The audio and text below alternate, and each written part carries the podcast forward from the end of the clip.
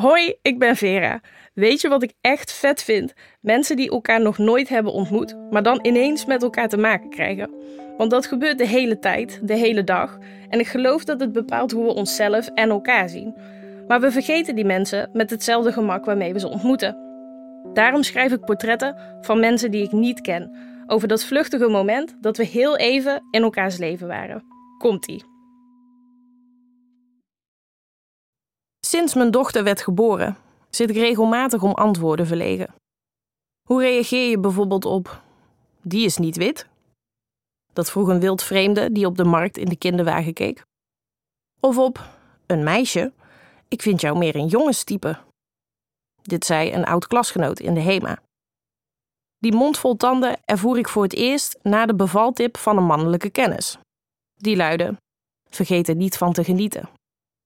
Daarna, toen mijn dochter twee maanden niet sliep en wel huilde, troostte iemand me met: Gelukkig heeft ze in het begin goed geslapen. Ah, antwoord ik dan. Maar er is één opmerking in het bijzonder over onze auto, die ik inmiddels zo vaak heb gehoord dat ik er eens een goed standaard antwoord op moet bedenken. Een auto-reply, zo je wil. Sorry.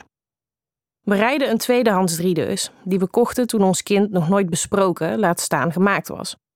Het was een overhaaste, onderhandse, op slag verliefd aankoop, die al toen we ermee naar huis reden nogal wat gebreken bleek te herbergen. Er zit inmiddels zoveel liefde, geld en tijd op het Bimmerforum in die auto. De monteur kent ons witte voertuig bij naam. Knoet, naar het gemankeerde Duitse ijsbeertje, dat werd verstoten door zijn moeder, dat het een erekwestie is geworden om erin rond te blijven rijden.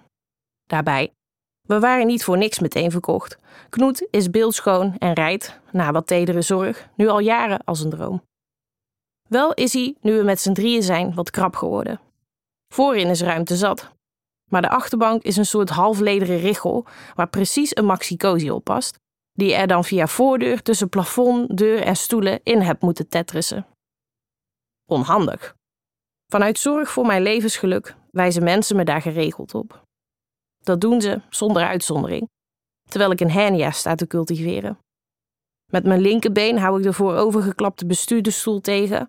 Met mijn overstrekte rechterbeen sta ik op straat. En altijd in de streamende regen, terwijl mijn armen proberen het ongewoon zware bakje.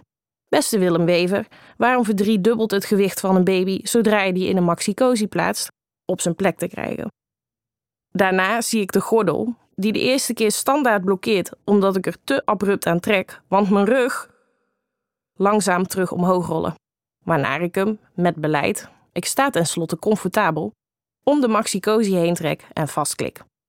Op een goede dag poept mijn dochter niet op exact dat moment haar maillot vol, maar niet elke dag is goed. En dan, precies dan, roept iemand: Een vijfdeurs was nu wel handig geweest, hè? De eerste keer dat het gebeurde, schrok ik, stootte mijn hoofd, zag niemand en nam aan dat mijn onderbewustzijn me aan het tergen was. Maar in de weken daarna werd het me nog een paar keer toegeroepen en zag ik één, twee, drie keer door wie. De overbuurvrouw van mijn moeder, een man die aan de overkant van de weg onkruid stond weg te branden en mijn eigen buurman. Zouden deze mensen ook naar doorweekte fietsers roepen dat een regenpak nu wel handig was geweest? Traag met een plastic frietvorkje over de verbrande schouders van niet ingesmeerde strandgangers krassen. Tegen de buurvrouw zei ik de eerste keer: Ja, hou op, schei uit. En de tweede keer, weet je wat ook handig is? 10.000 euro. Naar de onkruidbrander stak ik een duim op. Maar onze buurman is een klasse apart. Sinds onze dochter er is, zei hij in chronologische volgorde: Als ik jou was, ging ik voor een vijfdeus.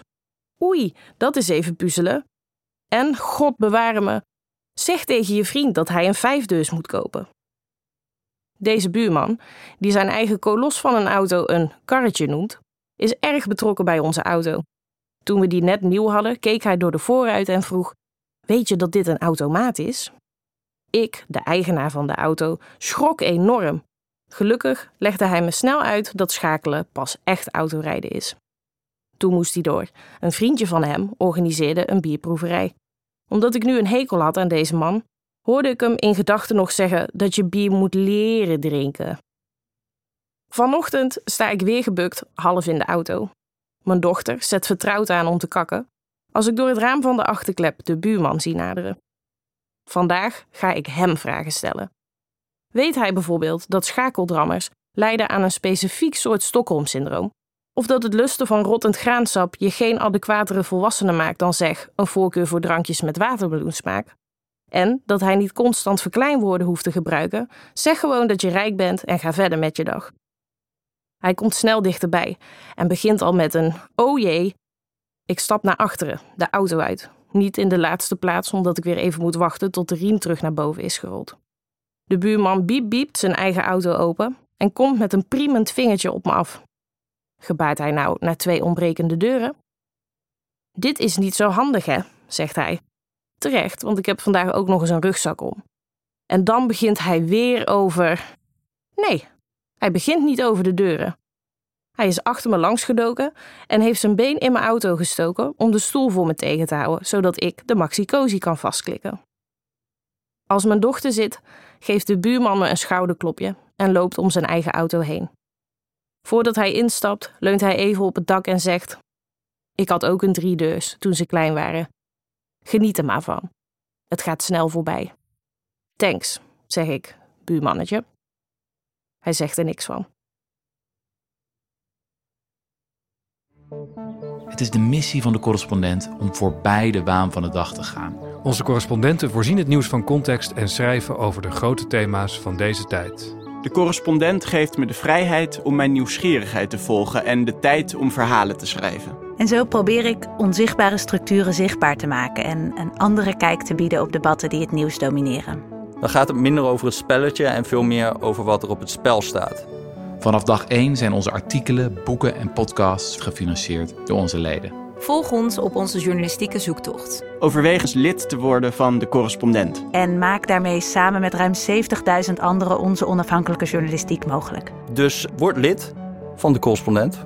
Ja. Word lid. Word lid.